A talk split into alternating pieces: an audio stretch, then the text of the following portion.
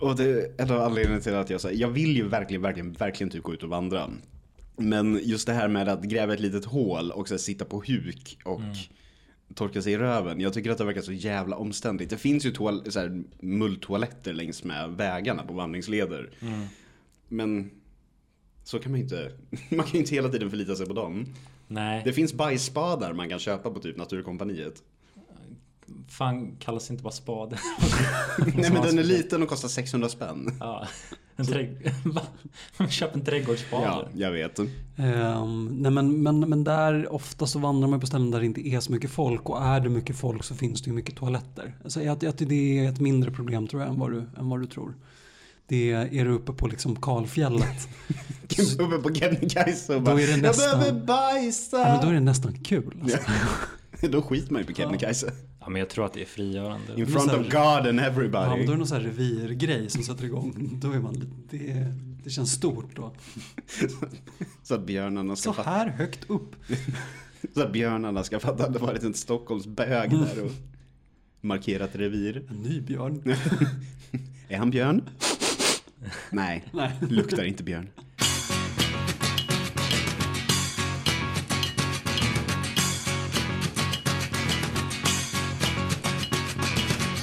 Hej och välkomna till det sextonde avsnittet av Killgruppen. Med mig har jag Christian Hej! och Rasmus. God dag. Hur är läget med dig Rasmus? Ehm, jo men det är bra. Får jag väl säga. Hur har veckan varit? Eh, den har varit lite som vanligt. Eh, krånglig och ganska stukad. Men det är helt okej. Stukad? Ja men inget fungerar riktigt som det ska.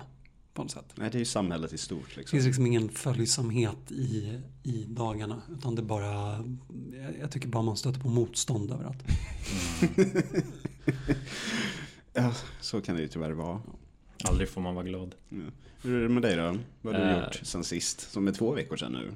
Uh, jo, det är rätt bra. Eh, veckan har varit uh, CP, har en jävla golvenvecka. Uh, jag kommer prata om det. Men jag behövde inte göra rotfyllning, det var nice. Nej men det är ju bra. Gud vad skönt. Mm. Det, det löser sig. Jag drömmer ofta om att inte behöva göra en rotfyllning. Ja, gud.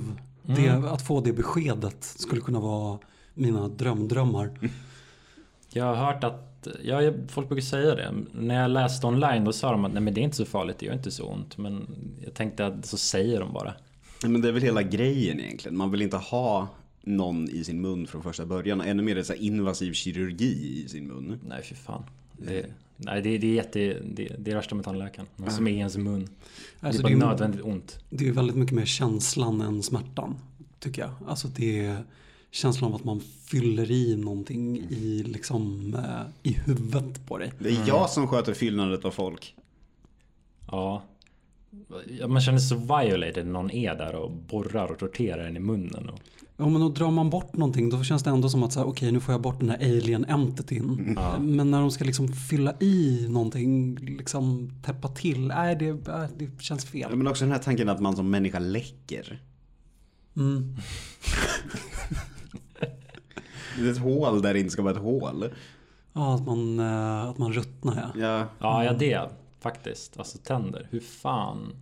Men vår generation är väl också uppväxta på, inte nödvändigtvis har sett dem, men har sett VHS-framsidorna till tandläkaren 1 och 2. Ja, varje gång man var Och tvåan, tvåan var värst. Ettan var bara en blödande tandläkarborr va? Men tvåan minns Nej, jag från... den, eh, ettan var också wackness. något så in i helvete. Men också den är så jävla så här, eh, småporrig. Ja.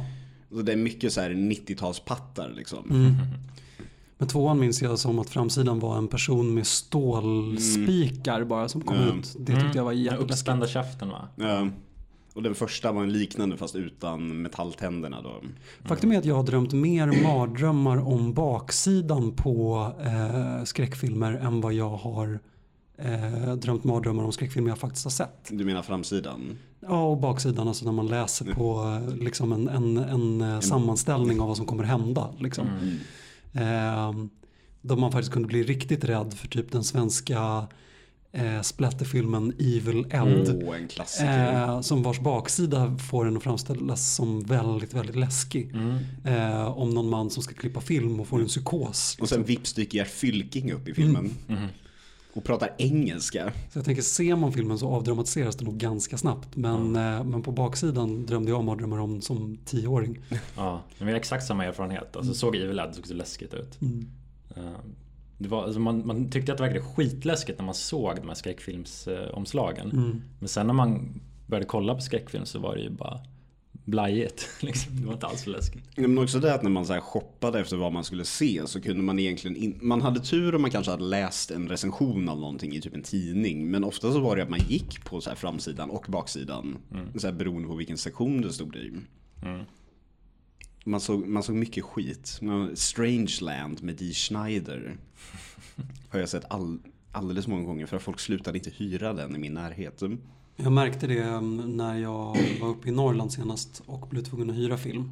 Just Oj. hela det um, um, alltså konceptet att man hyr skit när man inte vet vad det är man ska se. Liksom. Mm. Menar, då hade jag ändå möjligheten att googla fram allting om den här filmen. Men det gör man ju inte. Nej. Utan man tar den här trillen om en barnfabrik med John Cusack i huvudrollen. Och jag minns fortfarande när jag var typ 11 eller något så var jag lite inne i så Akira Kurosawa och typ så samurajfilmer. Det hade kommit någon ny som de hade pratat om på Filmkrönikan som jag hade sett. Gick jag med farsan då ner till videouthyraren. Och då bara, den här ska jag ha, lägga upp den och typ gå och kolla på godis eller någonting. Och tydligen då hade den här snubben som jobbade bakom som var en gammal elev till min farsa. Från när farsan var fritidsledare. Han möjligtvis bara, vet, du vad den handlar om? Jag bara, nej, jag vet inte vad den handlar om. Han är bög! är det okej? Han bara, ja, ja, ja. Här, Han, han, han, hans enda syfte var typ så här, bara så här, bara så du vet, det är så här, bögande samurajer i den här rullen. Så att din 11-åring kan titta på det och han bara, ja, Ja. ja, jag har inte sett den sen dess, men den ska tydligen vara rätt bra. Det kanske är en bra varning om man tänker på typ, till exempel som min morbror och alltså män, män ur den generationen. De verkar ju Jag bara, du akta dig för bastus. bara generellt. De vill ha en sån parental eh, liten logga, en liten bögvarning. Faggy content. Va, vi glömde bort att fråga hur du mådde Johan. Ja, just det. Jaha, nej jag har haft en så här underlig mardrömsvecka. Eh, vilket betyder att jag har drömt jättemycket mardrömmar. Så halvkonstig. Vad, vad har varit stjärnan i, i mardrömmarna? Nej, inget speciellt. Det är bara, mm, ja men det, jag vet ju i princip så här vad allting jag drömmer betyder och vad det inte betyder i förhållande till vart jag själv är mentalt. Så jag har ju så här pinsam koll på allting. Men eh, det gör ju fortfarande att man så sover mycket sämre. Jag har alltid funderat på det där. För att drömmarna ska ju spegla ditt undermedvetna Mm. och ha en liksom symbolisk innebörd. Men om man är medveten om sitt undermedvetna och kan dechiffrera det. Mm. Förändras symboliken på något sätt i, eh, i drömtydningen om vetskapen för vad ditt undermedvetna vet om? Det liksom, blir, lite som, det blir lite som att vara synsk. För man vaknar upp och vet i princip hur man kommer må resten av dagen. Ja, Men allt handlar om sex. Allt handlar om sex, eh, alternativt brist eh, på kontroll. Mm. också sex.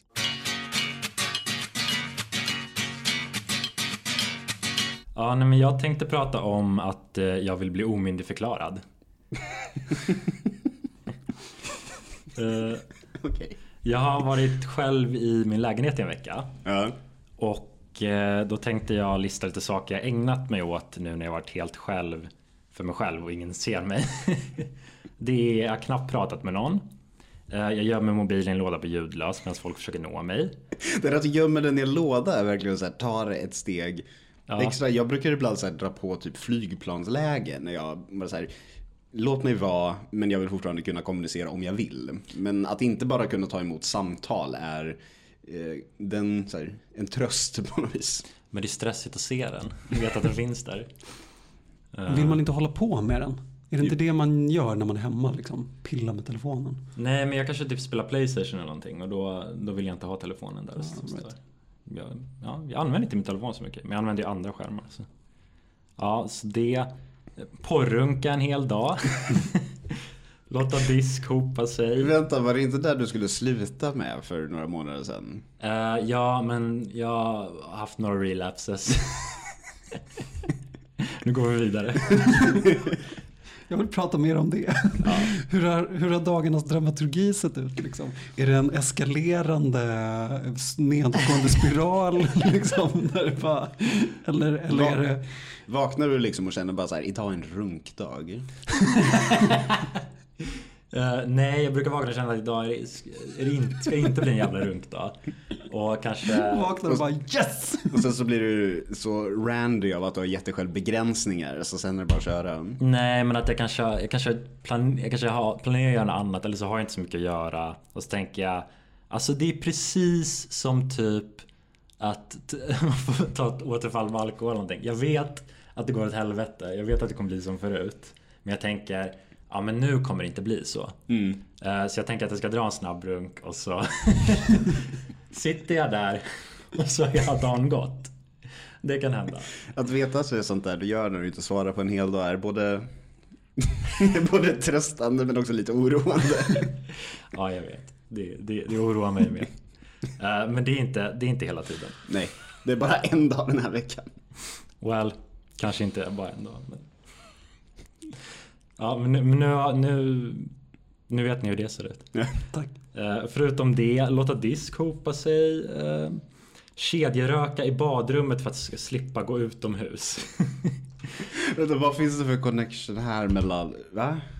Ja, alltså, ja, men alltså jag går in och kedjeröker i badrummet istället för att typ eh, gå ut. Alltså gå några meter och, och gå, gå ut, vara utomhus och Med, så röka. här, med öppet fönster i badrummet då eller? Eh, ibland, ibland inte. Jag känner ju att komma nära utomhus och luft är väl det man försöker göra när man så här inte orkar gå ut och röka. Eh, Du öppnar ett fönster och bara ah, it's fine. typ. Den där grejen höll jag på med jättemycket när jag, när jag rökte och rökte inne. Ehm, att jag bestämde varje morgon att idag ska inte bli en dag när jag röker inne. Ja. Men sen så tar man ett återfall, tar en cigarett inne och sen blir det som att jag vill sitta och röka inne en hel dag. Liksom. Vad skönt att jag inte är ensam med Det så här beroende av att röka, men bara att röka inne. Ja men det är så här, man går ju över någon, vår generation har ju aldrig liksom fått röka inne ordentligt på typ barer och kaféer och sånt där. Nej. Så varje gång vi kommer i närheten av inomhusrökning så är det så himla exotiskt och spännande. Det är därför man typ har fond memories av Berlin. För man bara, här kan man gå in på en bar, random bar och bara tända en cigg. Mm, men det här är inte exotiskt spännande. Jag sitter i Bara, bad. bara om du badar också. Det gör jag i och för sig ibland. Då känns det lite ballt. Men, Då är det lite dekadent liksom. ja, men, men inte när jag bara går in badrummet och suger på cigarett. På muggen. Sitter på muggen och liksom eh, spolar ner ciggen i toaletten. Och bara, det, det är bara deppigt. Eh, men det är bara för att jag inte ens vill gå utanför dörren. För att du inte orkar måla gult där inne. Typ. Jag tänker också att badrummet är bra för där finns ingen möbel eller sånt där. Ja, just jag vet inte vad det är. Det finns bara du och din hygien. Ja. Det är ju hela, förbud, hela förbudsgrejen där också. Liksom. Man får inte röka inne, då måste man röka inne. Alltså det handlar ju bara om att jag typ inte har någon jag inte sätter någon standard för mig själv. Jag bara, jag bara låter mig leva som ett djur. Nej men det är ju när, in, när man inte äh, interagerar med en annan person så finns man ju inte. Då kan man göra vad fan som helst. Och det är ett sånt jävla problem. Ja, och det är det, det, är det det här handlar om. Eh, ehm, ja, så det gör jag. Eh, sen inte gå ut, utomhus på flera dagar. Sitta med persiennerna fördagarna medan solen skiner. Man hör ljudet av lekande barn utanför. Du bor visserligen på markplan så jag förstår det. Jo, men jag behöver inte ha eh, persiennerna fullt fördragna och sen ha mörkläggningsgardinen neddragen också över det. Jag kan ju ha liksom lite grann så kommer in lite ljus utan att någon ser in. Men nej. Ja, så har man djurlekande barn utanför. Sover till 11 varje dag för att det är då jag väcks av basketbollen utanför av lekande barn. Eh, bara äta Cheerios för att slippa gå ut och handla. Och när mjölken tagit slut så har jag ätit Cheerios med vatten. Nej, Det var- det var- oj, det var... Det var det var- vattenmärket. Nu blev det den riktiga interventionen här. Ah, du shit. kan inte äta flingor med vatten. Nej men alltså, du, eh, kan man inte äta det utan vatten då? Alltså torrt bara? Har inte Det du har en jag också kiosk- gjort ibland. Har inte du en kiosk 100 meter bort typ? Nej, jag måste gå ner till Gröna Du Centrum. måste det. Det här snabbköpet, det har aldrig varit en riktig kiosk. Eller det har varit det på 50-talet typ. Ja. De har bara kvar den K-märkta skylten. Ja men jaha, det så det är ingen riktig butik? Nej, Nej, önskar att det var det. Ja, då, då hade det ju varit som här liksom, att man kan så här rulla till butiken. Ja, det hade kanske varit... Jag, jag, jag, jag undrar om jag ens hade gjort det då. Ja, det är faktiskt Men kolla, det här var också bara Alltså det här var innan jag gick och handlade och tog, tog, tag, i, tog tag i kragen. Tog mig själv i kragen. Eh, det var sista köret jag hade. Jag bara, ja, jag är hungrig. Vad ska jag göra? Jag, jag har ibland när jag varit i det här modet också bara suttit och käkat torra flingor from the box. Vilket inte är så mycket bättre. Värmde du vattnet? Nej. Kallt vatten? Värmer du mjölken till flingor? Jag har inte mjölk i flingor. Nej. Jag gillar inte mjölk. Nej, jag vet. Vad fan har du för varmt i flingorna? Nej, nej, men jag bara tänkte Nu- nu- vatten, nu- kallt vatten. Jag tänkte om man gjorde varmt vatten så hade man kunnat göra det till något, jag vet inte. Man, det, man kan ju göra O'boy med vatten. Det går att göra till exempel. Äter du flingor med pucko? Nej, nej, nej, nej, nej, men jag bara tänkte att det fanns någonting, Nu är det Rasmus som är sjuk att det var någonting som hände med vattnet när man värmer det. Att det var lite mer som var. Att- Men så här kallt vatten direkt från kranen. Alltså det är som, jag kan inte wrap my mind around. Det här var inte, hur du än vrider och vänder på det var inte en bra tanke. Det, det, det går inte att rädda Cheers med vatten. Oavsett Varmt. värme. Men det var att gå fram till kranen och så här, hälla i vatten. Det, där, där stannade jag till lite. Bara, vad, vad gör jag med mitt liv? verkligen. Ehm, ja, och leva på det här sättet det har ju liksom fått mig att må skit. Alltså självkänslan blir, eh, är ju botten. För det är ju så, man är ju liksom vad man gör. Man känner ju sig lite som sina handlingar. Ja. Eh, vilket är svårt för mig att fatta. Jag vet intellektuellt liksom.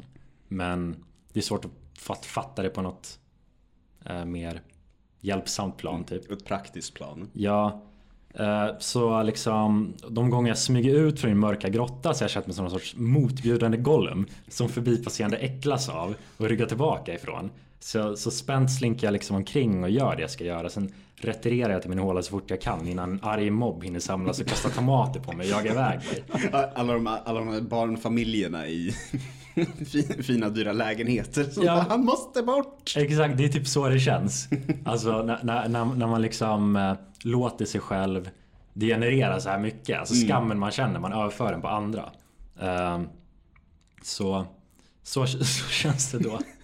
Eh, men sen eh, dagen min tjej skulle komma så började jag diska, dammsuga och göra fint. Och då märkte jag så direkt hur mycket bättre jag mår. Liksom.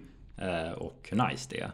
För att jag har Alltså jag har blivit mycket mer ordnad jämfört med typ när, i mina early 20s. Alltså för då Fy fan alltså det, var, det kunde verkligen ligga Disk över hela golvet med ruttna matrester i och blomflugor överallt. Och Jag kommer ihåg att jag tog hem ragg till det. bara, släng, bara slänger en filt över. Nej, inte ens det. Alltså, och det är så sjukt att de typ inte vände i dörren och aldrig pratade med ja, du, du tar in dem där så får de liksom så här greppa vad det är. Vart det är de har kommit. Ja, Jag kommer ihåg första gången jag och min eh, vad heter det, flickvän gick hem med varandra för 6-7 år sedan. Eh, minns sju jag också. Ja, då eh, klirrade det när hon la sig i sängen. Eh, då var det en gammal tallrik. eh, sen så har jag för mig att hon fick en tv-spelskontroll. Och jag hade lite komplex för att hon var lite äldre än mig. Jag gjorde inte saken bättre. Det var väl bara en Playstation. Ja, jag hade en soptunna hemma med lock på eh, som jag inte orkade gå och tömma på väldigt länge.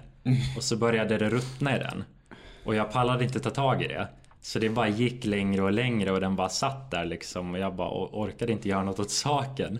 Tills det blev så illa att det liksom började verkligen lukta äckligt där. Och typ, men jag lyfte lite då var det som att det var liksom en hel vägg av mögel. Det såg ut som skumgummi. Och det var så vidrigt, jag blev så äcklad. Och så skämdes så mycket. Så det jag gjorde till slut var att jag mitt i natten tog eh, silvertejp och silvad och så tejpade runt hela soptunnan. Eh, och smög ner mitt i natten och slängde den i grovsoporna. Gick därifrån, pratade inte om det igen, bara gömde min skam. Men så där håller jag faktiskt inte på längre för jag upptäckte the joys av att liksom ändå ha ett cleant och fint hem och sådär. Ja. Så det går aldrig så långt som det kunde göra när jag var yngre liksom inte fattade alls om att ta hand om sig själv. Nej. Typ som den dagen jag bara låg hemma en hel dag och hårdost också. Ja, men, det, men det är ju faktiskt en regelrätt, det är ju, ett, det är en aktivitet att ligga hemma och äta hårdost. Ja, jag kommer ihåg att jag låg under täcket en hel dag och bara åt hårdost för jag orkade inte gå någonstans. Men det kan jag göra. Jag brukar gå upp och ta en tugga av parmesanosten. Det blir så tandmärken i den liksom. Har vi råttor? Ser det ut som en råtta också när jag gör det? Det är som en jättestor, jättestor judisk råtta. Håller det med båda händerna så. Det är klass- Riktig antisemitisk nidbild med parmesan i munnen. Ja, men du är ingen ambassadör. Så italiensk antisemitisk eh, affisch.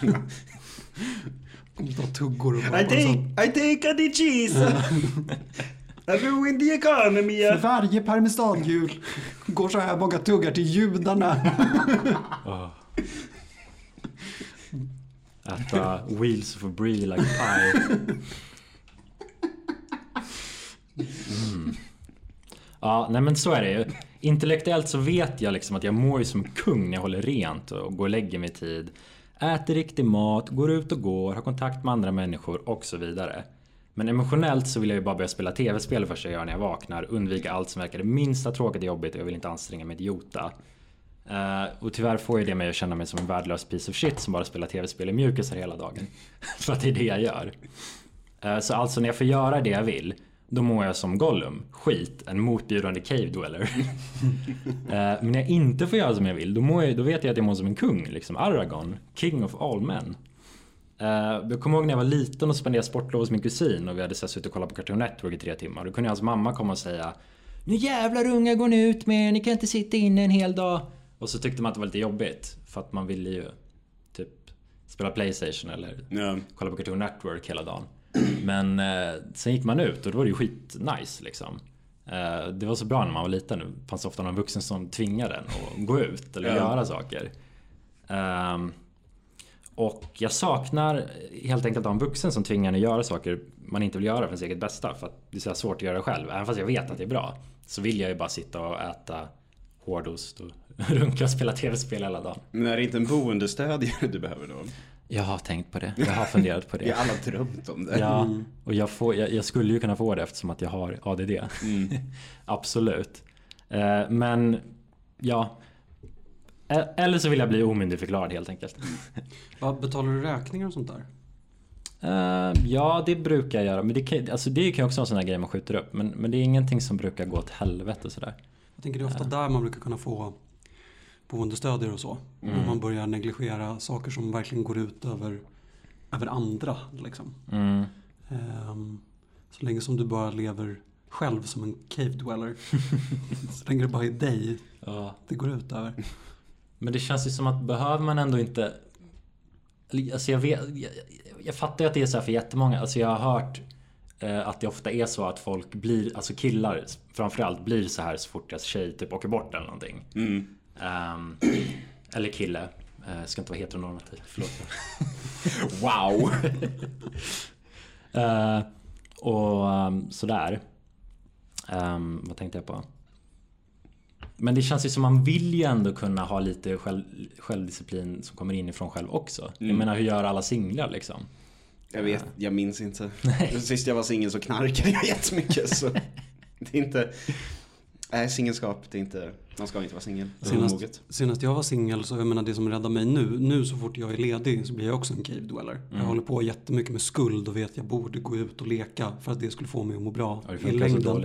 Eh, men, men jag pallar inte och så ligger jag bara hemma och så mår jag bara dåligt över att jag gör det. Typ. Fastän jag har jobbat som en gris och verkligen är värd att göra ingenting. Om det nu är det som får mig att må bra. Eh, men när jag var singel då hjälpte det inte ens att ha ett jobb.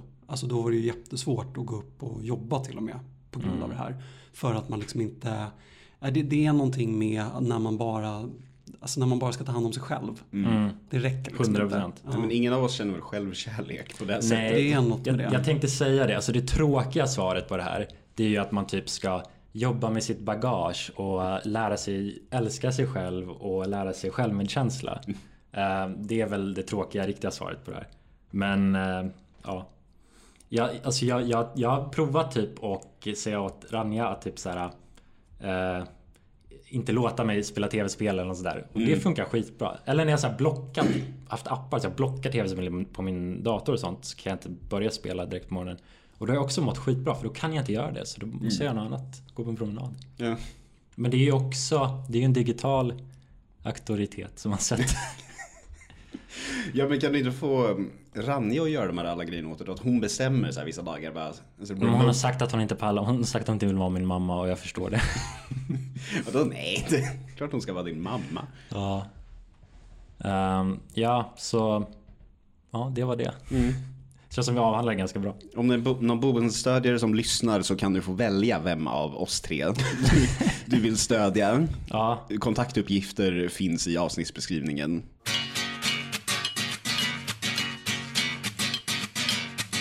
Jag har aldrig tänkt på att jag vill ha en boendestödjare. Ehm, Eftersom jag alltid försöker att säga att allt är alla andras fel. Och att en- ha en boendestödjare skulle på något sätt påvisa att det var, det var mitt eget fel. Och det kan man stödja bort. Ehm, Men det vill inte jag alls tänka. Ehm, När jag ligger hemma som ett degenererad eh, grått as eh, så menar jag alltid att det handlar om att jag har så otroligt få tillfällen att få göra det. För att det inte har kunnat ske naturligt. För att jag alltid har blivit tvungen att jobba och jag har haft så jävla svårt att hitta någonstans att bo och sånt där. Så att de få tillfällena där jag faktiskt bara kan göra ingenting. När jag kan ägna en hel dag till att runka. Eller när jag kan ägna en hel dag inte det lite att... konstigt när man har sambo? Jo, jo, jo, men det, man kan ju vilja ha sådana dagar ändå. Liksom. Ja. Hon kan få vara med ibland. Men möjligheten att jag ska kunna göra det är det viktigaste. Bor inte ni en etta? Eh, vi har ett badrum, vi har ett kök. Nej, det är en tvåa faktiskt. Jag kan runka på massa ställen. Eh, om jag skulle vilja skulle jag kunna ha en dag när jag runkar nu också utan att hon överhuvudtaget behövde se det. Eh, men jag föredrar att ha hela dag skogsrunkare. Ja, precis. kan jag också göra. Det finns massa skog runt omkring. Men nog om det.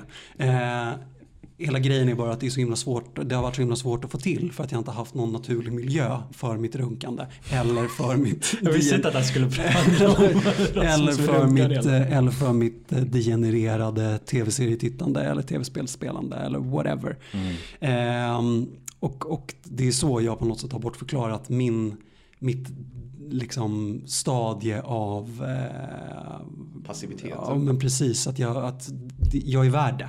För att det har varit så jävla få tillfällen när jag överhuvudtaget ens kan göra det. Men jag kan säga att det är så det börjar för mig också. Alltså det är ju att jag desperat eh, vill ha lite nice liksom. Alltså, nu pratar jag inte bara om runka här. Ni får se mycket mitt runka. Snuskiga, snuskiga lyssnare. Men det, det leder ju mig in på, på vad jag har tänkt lite på den den här veckan. Eh, Det vill säga min enda trigger. Eh, som eh, straight heterosexuell man. Jag har inte varit med om så mycket egentligen. Liksom. Eh, jag, ja, det jag, har varit, liksom, det jag har varit med om har ändå på något sätt, jag har kommit ut på andra sidan och sen så är det ganska, det har varit ganska cool liksom. Det, har, det har inte riktigt varit någon fara. Samhället stryker mig lite medårs. Jag har alltid känt att det stöd jag behöver finns där på något sätt. Mm. Förutom när det kommer till en grej. Det som gör mig räddast i världen. Saker som kan ge mig explosiv huvudvärk. Det vill säga den svenska bostadsmarknaden. Ehm, den eh, senaste veckan så eh, har det varit lite snack om det på grund av att en eh, journalist i Aftonbladet skrev en krönika eh, som tog av stamp i det här Stockholmshatet som har blossat upp i och med corona. Eh, och gick vidare in på det faktumet att han menade att de flesta som, som åker på fjällsemester och skriver, skriker att vi är från Stockholm gör så på skånska. Eh, han beskriver eh, Checks out.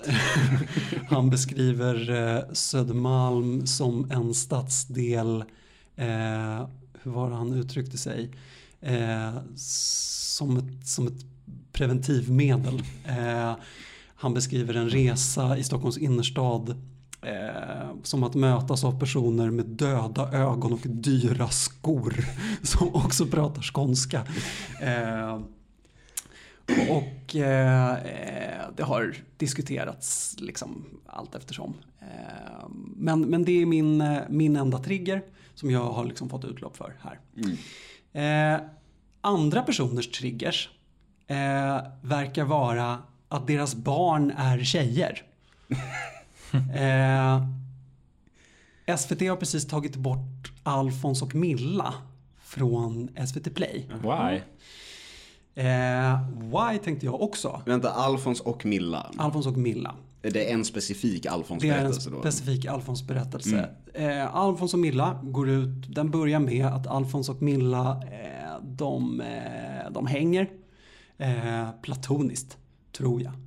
Hoppas. Eh, De är spädbarn. Ja, precis. Jag tänker inte ens försöka sexualisera det. Eh, men eh, Milla är Viktors, Alfons bästa kompis kusin då. Så att det finns en naturlig ingång till varför de hänger.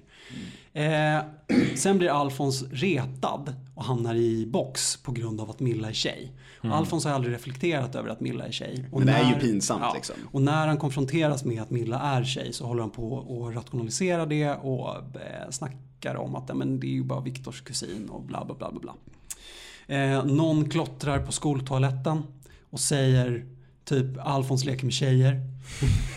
Eh, Alfons är bög. Ja. Det, det fick mig att tänka på hur det var i högstadiet. Att eh, de killar som hängde mycket med tjejer blev mobbade för att de var bögar. ja. Och sen var vi det också, Eh, hela ja, bunten. ett- Det är exakt så var det faktiskt med den killen i mitt högstadie. Det, jag håller verkligen, verkligen med dig. Så att Alfons kanske är bög. Fan, nu har vi sexualiserat dem. Jävla skit. Vi kunde inte hålla oss. Eh, men, eh, och sen så skiter Alfons i det här. Eh, städaren tvättar bort klottret på skoltoaletten och Alfons fortsätter att hänga med Milla eh, bara som det är. För att hon är ju skittrevlig typ fast hon är tjej. Ja. Och jag fattar grejen med fast hon är tjej. Men hela historiens andemening är ju fortfarande att på något sätt belysa könsrollerna. Eh, Medan det uppenbarligen finns folk som tycker att eh, det cementerar könsroller. Eh, Att överhuvudtaget ens konfronteras med bilden av att tjejer och killar är olika på det här sättet. Att det blir, det blir en jobbig grej.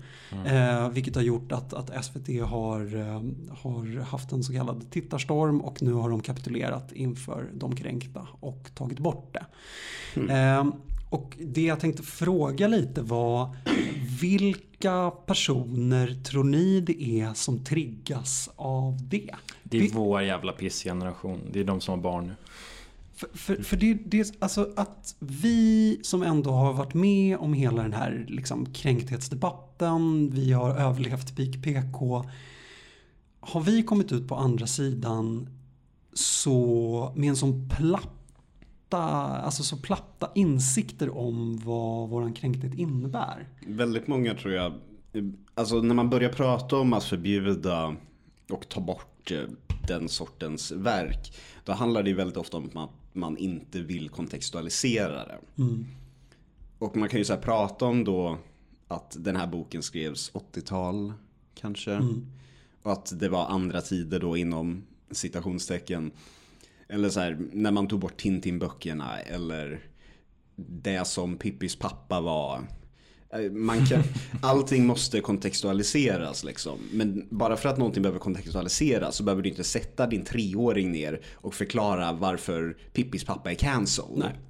Nej men och det, det är väldigt lätt att hamna in sån, i någon sån raljant mode när man börjar prata om så här allt under från renässansen och allt från eh, typ innan 1990-talet och allt innan eh, vår värdegrund har satt sig på något sätt. Eh, men eh, det är lite det jag vill på något sätt ta fasta vid för att oavsett hur man förhåller sig till den här kontextualiseringen. Alltså eh, är det ett problem att påtala att det kan finnas schismer mellan att, alltså när tjejer leker med killar och sådär. Är det enda sättet att skildra det är på ett helt problemfritt sätt bara visa en kille och en tjej som leker med varandra? Jag tror jag riskerar att kanske hamna i jämställdhetsfacket nu. Men det handlar nog väldigt mycket om avsändaren tror jag. Och också då om tidsålder. En kvinnlig barnboksförfattare skulle kunna skriva en bok som handlar om de, eh, att det finns problem i lekandet mellan flickor och pojkar. Men då skulle ju grundmeddelandet, eller budskapet med det hela vara att eh, hon ju trots allt att killar är elaka så är hon en hashtag girlboss. Ja men precis, jag funderade lite på det där om det handlade om, om, om perspektivet, alltså vem det är som berättar historien. För att eh, det är ju en kvinna som har skrivit Alfons-böckerna. Ja. Men Alfons är ju en kille och det berättas ju utifrån Alfons perspektiv. Vilket gör att tjejer, ja de skulle kunna känna sig alienerade liksom. Alfonsina behövs. Ja precis, eh, vi behöver Milla-böckerna. Mm. Eh, men, men likt förbannat så tyckte jag att det, jag tyckte det kändes så jävla platt att bli kränkt av att det här problemet eventuellt tas upp. Eh, och jag menar SVT de, de förklarade ju det att de tyckte att det, att det fanns ett problem att, alltså att eh, föräldrar som, som sätter på Alfons inte tänker på att de måste finnas där för att sätta saker i perspektiv. Men jag tycker att det här sätts i perspektiv. Liksom, För att de ju berättar en historia från A till Ö där, det, liksom, där andemeningen inte är att, att det är problematiskt men att det finns personer som tycker det och att det i sig är ett problem. Eh, och och, och jag, jag tycker det blir så jävla fegt och konstigt att inte palla att inte låta sina barn konfronteras med några som helst problem. Där de bara måste liksom få kunna följa med i strömmen av att tjejer och killar, de bara leker och det är bara kul och det är bara bra och allt är soft. Och sen så gjorde jag lite research om det här och uppenbarligen är det här andra gången det här händer. Eh, 2014 hände det här också. Det blev ett jättestort drev, Alfons och Milla visades på bio då. Åh nej. Eh, var på Joakim Lamotte ledde drevet där han hade varit och sett det med sin, eh, med sin dotter. Och sa att han tycker att den här filmen kan dra åt helvete. Eh, Och vänta, var det på tiden när han fortfarande, när han skrev för GP typ och fortfarande var inom quotation marks igen, eh, feminist? jag tror att det var, det måste ha varit i övergången där, mitt i gångjärnet. För att, för att det var ju 2014, det känns lite sent. När han höll på att förlora Ja. alla sina anställningar. Och GP har ändå, de, det är de som har skrivit artikeln om att han är arg. Så att han har ju en liksom väg in där på något sätt. Han är inte personen non grata men Nu ska ni få Ehm, höra. Men så att jag undrar, är det, det är alltså inte, det är kanske inte vi som blir triggade av det här. Det kanske är på något sätt jämst, är det jämställdisterna? Ja, är det de som klär sina flickor i rosa och pojkar i blått? Och, och det är jätteviktigt. Precis, tjejerna måste få vara tjejer. Och då kan de inte konfronteras med att tjejer är olika. Ja. Ja, jag vet inte. Ja, för det låter ju som tvärtom. Den formen av värdekonservativa människor brukar ju annars i princip vilja ha könssegregerade sagor liksom. Ja men precis. Men, och då Då är det kanske det de frågan... rasar mot, att de leker med varandra. Till att börja med. Ja men precis, eller att det skulle finnas några problem. De vill ha könssegregation och de vill att tjejer och killar ska kunna leka med varandra men de vill inte ha problemen på något sätt. De vill inte att deras tjejer ska utsättas för de eventuella problemen med vad det skulle kunna innebära att vara tjej. För att då konfronteras man med någonting jobbigt. Ja. Och då kanske tjejerna håller på att bli killar. Eller Om du- om du frågar vissa- tomboys liksom. Om, om du frågar vissa så är det precis vad som händer nu. Ja, ja, jag vet inte. Jag är inte helt klar med den här tanken, inser jag nu. Ni deep i den här pratan. Men, eh, ja, mm, ja. ja. Jag tycker det bara låter som en helt vanlig så här, klassisk antimobbning-story typ. Så här, Det är dumt att eh, vara dum mot någon för att hon är tjej. Alltså det är väl det som är sensmoralen eller? ja. Vad, vad är det att bli upprörd över? Nej, jag tycker också att det är konstigt att de blir liksom, jag menar det är ju förmodligen alltså, personer som har fler triggers än jag. Eh, men att det skulle vara en trigger tycker jag är väldigt konstigt. För det finns ju liksom ingen, alltså, det finns ingen intellektuell basis i deras argumentation. Alltså, För att jag kan också förstå idén med att, att det som kommer ligga kvar hos folk är problemet. Problemet med att tjejer och killar eh, umgås. Och att det är det som på något sätt ska eh, implementeras hos, hos barnen och att det ska leda till rädsla och så vidare. Men, eh, men jag tycker också att det är så himla konstigt och, och platt. Eh, jag tänker att man måste kunna konfronteras också med, med problematiker. Liksom. Ja. För annars så skapar vi ju tusentals små Joakim Lamotte, tänker jag. Ja. Jag får sluta ge ungarna webcams då bara. Mm. Så att man inte kan sitta och vara arga. Nej men det är väl också, det är ju en pågående generationer som växer upp lite i ett experiment tänker jag. För den sortens uppfostran som har blivit väldigt inne de senaste 10-15 åren. Med just, eh, ja men vad ska man säga, könsneutral uppfostran. Det har visserligen alltid funnits sedan typ 70-talet på något sätt. Men det känns som att vi är inne i en specifik våg nu. Då det även så här har mergat lite med ja, men typ transpersoners existens. Och det, barnuppfostran har då blivit en väldigt specifik grej. Och inom den grejen så finns det, inte, finns det inte så mycket som man kan vara nöjd över tror jag. Och då blir det väldigt lätt att kanalisera det på eh, random gammal tecknad film liksom. Mm. men jag tror också det. Jag tror också att hela det här konceptet kommer ifrån att personer känner sig väldigt ensamma i den här kampen. Alltså nu när det, är, när det är en person som driver den här typen av frågor i en klass till exempel så blir det ju sånt, den personen hamnar ju så otroligt mycket i fokus. Eh, Den personen blir ensam tvungen att driva det här och jag får en känsla av att, att de flesta föräldrar som driver sånt här känner sig ungefär lika, lika ensamma. Medan när alla de här personerna som har liksom varit med i det här experimentet, de kommer ju kunna luta sig till viss del mot varandra. Då kommer det ha implementerats i samhället på något sätt. Det kommer inte vara lika, lika ensamt.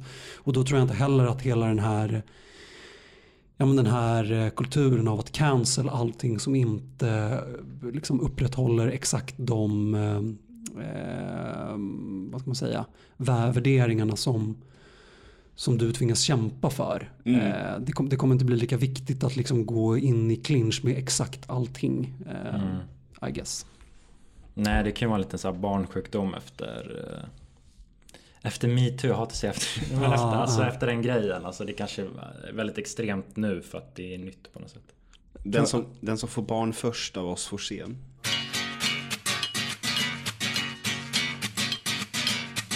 Cissi Wallin har varit ute på krigsstigen igen den senaste veckan. Äntligen. Mm, som vi har väntat. Eh, Och den här gången har hon, hon har precis upptäckt identitetspolitik. Nice. Så hon skrev, den första maj var det faktiskt, så egentligen var det förra veckan, men hon har maniskt skrivit om det på sina sociala medier eh, hela den gångna veckan nu då. Eh, men då skrev hon en krönika som handlade om att låta, att feminismen inte ska eh, definieras av några andra än de inom den kampen typ. Att ja, men inte uppluckra begrepp.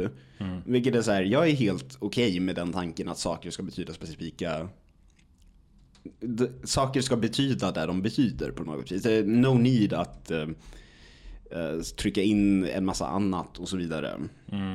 Eh, bara det att mitt i allt detta så trycker hon till transpersoner. För hon tycker att feminismen har blivit för fokuserad på transpersoner. Och eh, sen då har hon lagt upp vittnesmål från eh, självutnämnda feminister på sin Instagram som har skrivit om hur eh, de har blivit eh, trakasserade och mordhotade för att de typ har skrivit någons pronomen fel eller Klassiker. ja men du vet sånt som händer. Det känns väldigt tidigt. Gjorde inte Kajsa Ekis Ekman det här för Jo, jo, jo. Ja. tio år sedan? Hon har också blandats in i det här. Ja, okej. mm. Eh, För då har ju... Och de blir alltid mordhotade. Ja, de blir alltid mordhotade. För, bara för att de är kvinnor.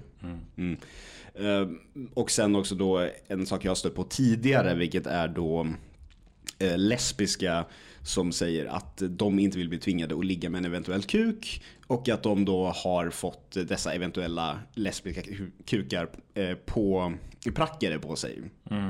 Du ska ju aldrig bli tvingad att ligga med någon. så Nej. Liksom redan där. Ja. Och det är ju olagligt. Ja, nej men redan där eh, handlar det ju inte så mycket om vad ska man säga, transpersoner egentligen. Utan där handlar det om eh, det svenska favoritordet eh, samtyckeskulturen. Just det. Det låter ju exakt som typ en så gubbe som bara hö, hö, alltså typ inte vill, inte heller vill upptäcka en kuk. Så. Ja, nej men precis. Det är exakt samma grej. Och eh, det handlar egentligen väldigt mycket om att folk eh, då vill de vill ha agens över sin egen sexualitet och framförallt vilka det är de väljer att ligga med. Bara det att man Vilket hela de har. Ja, vilket också då hela tiden i att de tar det för långt för de skapar hypotetiska scenarior i huvudet. De bara så här, om den här transpersonen skulle vilja ligga med, men bara så här, det, det, nu vill den inte det. Men det finns då, har jag sett flera gånger på olika ställen på internet, eh, att lesbiska väldigt ofta blir då approachade av så kallade translesbiska. Som de då beskriver som män i peruk i princip. Eh, som har en fetisch för just lesbiskhet och då börjar identifiera sig som kvinnor utifrån det. Eh, och det är ingenting jag tänker säga emot för de här personerna finns. Det finns personer för exakt allting. Men jag kan tänka mig att det kanske inte finns jättemånga. De kanske är typ 20. Ja, som sagt, det är ju en högljudd minoritet liksom. Som är eh, fetischister. Bara det att i, de är inte längre transvestiter. Som de var för 15 år sedan. Utan nu är de transpersoner istället. Men de har hamnat där under på grund av breddandet av en massa olika begrepp. Så de har ju blivit en del av det här communityt. Och de har, och transrörelsen vill egentligen inte ta ansvar för de här människorna. För de tycker att de statuerar dåligt exempel och det gör de. För de är oftast freaks. Men alla minoritetsrörelser har sina freaks. Man måste bara lära sig att omfamna de freaksen. Och inse att de är en del av ens egen rörelse. Men de kanske inte är du. Vi bögar har till exempel Alexander Bard. Nej. Vi har också han som de tog i höstas eh, som var Sveriges mesta methförsäljare. Coolt. Ja, eller hur? Det, det har jag väl berättat om att det har de ju inte gått ut med, men att han försedde hela jävla typ Norden med så här sexdroger. Framförallt då meth. Det är ju asballt. Det låter lite som vår Tiger King på något sätt. Ja men precis, Blondinbella Who. Eh, Make him famous. Och det känns ju som att vi har fler och eh, det har vi ju för vi har ju omfamnat, eh, vi bögar är ju de som mest har omfamnat våra freaks. För vi älskar drag queens. De är ju våra designerade freaks. De är tre meter långa i enorma peruker. Och vi står där och bara yes work hela tiden. Eh, De lesbiska har, eh, ja vad har de? De har tigern Sarah, det är pinsamt i sig. Eh, De har också eh, känd från radio. Också lite av ett freak skulle jag vilja påstå. Lite. Eh, Sen tar min lista på freakflator slut för jag bryr mig helt enkelt inte så mycket om dem. Och eh, då transrörelsen som har de här fetischen, fetischisterna eh, som låtsas att de kan eh, få mens och stoppar upp tamponger i röven. Cartman. Ja, eh, och typ så här säger att de kan laktera. Att de har PMS. Det har jag också hört någon säga. Ja. Men det är inte sant eller? Det går inte riktigt om du inte har liksom äggstockar och sånt. Nej, då ljög den personen bra. Ja, eller jag ljög, jag vet inte riktigt vad det beror på. Det är inte, jag, I am no scientist.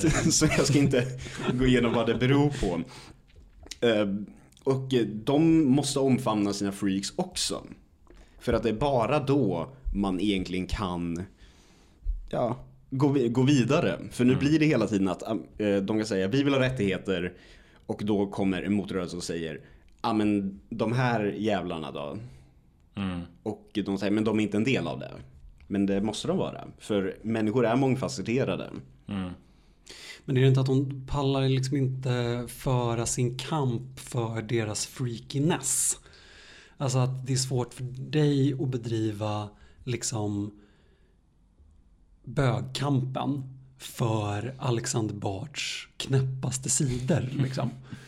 Men han blir ju ändå väldigt ofta på... Han är ju inte en fiffig person. Eller är han, men han är lite stor i käften. Och han blir väldigt ofta påtryckt. Och då är det väldigt ofta att man hör tonen i hur folk skriver bög om honom. Och då känner jag ändå att då är jag tvungen att försvara det för... Vad fan. Ja, men det är fint. Det är, det är någon sorts principer där liksom. Ja. Så då måste transrörelsen helt enkelt eh, omfamna folk som till exempel Jessica Geneve. En kanadensisk transkvinna som blivit eh, världskänd för att hon bedriver ett korståg mot eh, vaxningssalonger i Ontario tror jag det är. För att de inte vill vaxa hennes pung. Det står inte på menyn att de vaxar pungar. Vart går man för att vaxa pungen? Eh, vanlig salong. Eller nej, det gör man ju inte. Det är det som är poängen. Eh, förmodligen går inte det och man ska inte göra det. Nej, det låter farligt. Nej, det låter jättedumt. Det är tunn hud, det är nerver, raka bara. Ja. Shit, tänk om det skulle släppa ut. Ah, nej, nej, nej. shh. Eh, Men det är också en sån Nu har jag här, en till trigger.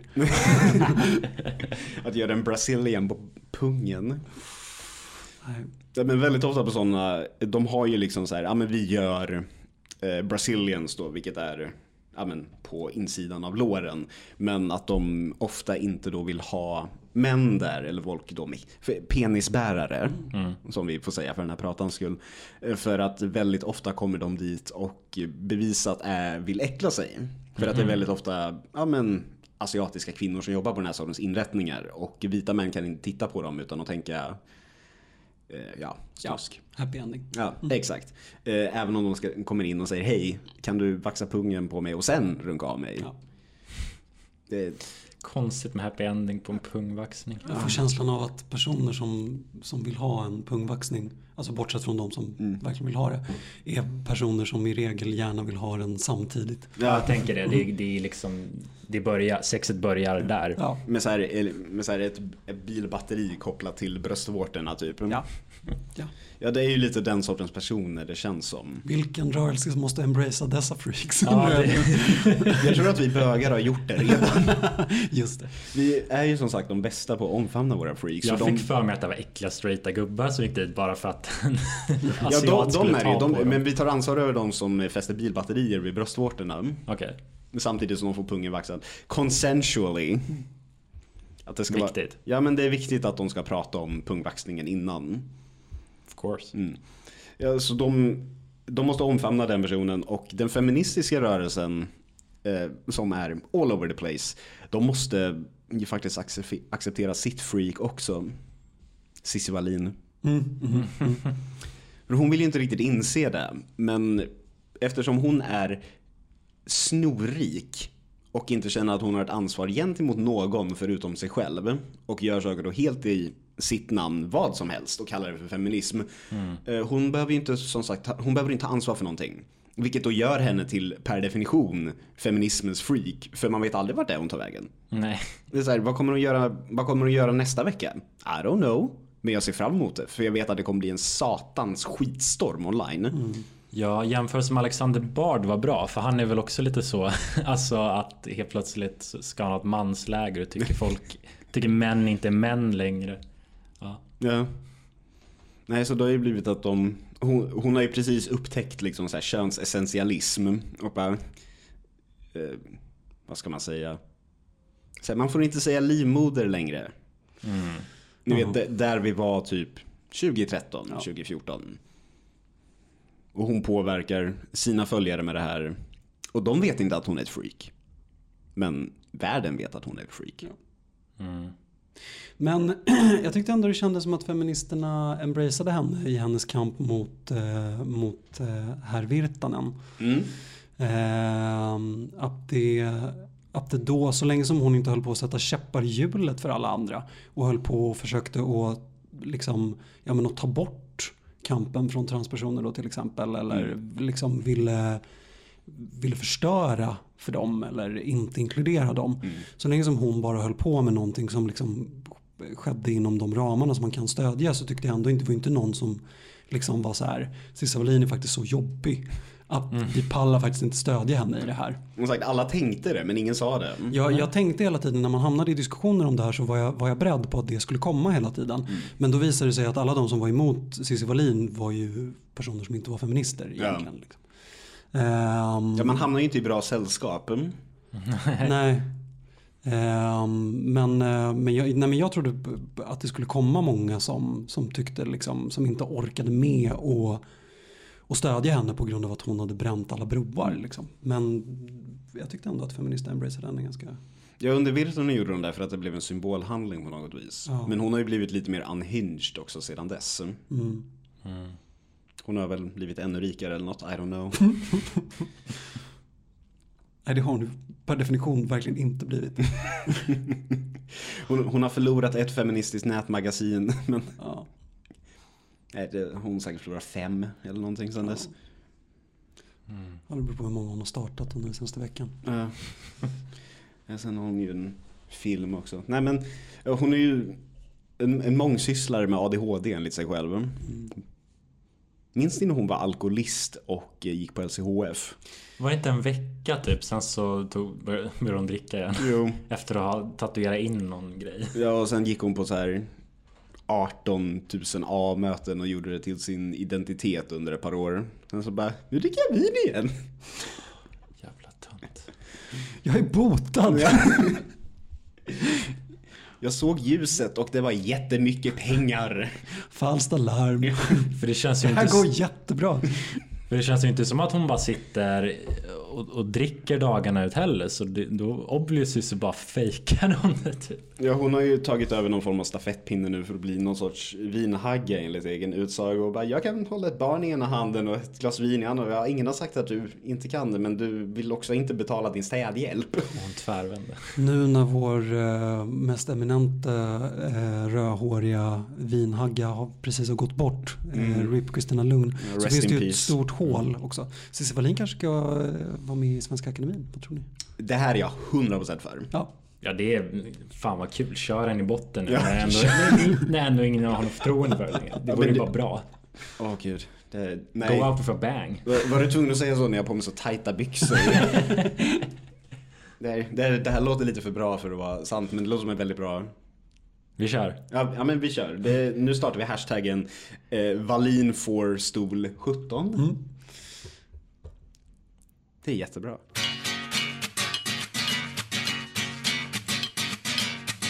Ja, det var allt för den här veckan. Men eh, följ oss gärna på Instagram på @killgruppenpodd och gå in och ge oss en rating vart du än lyssnar. Eh, tjabba! Puss.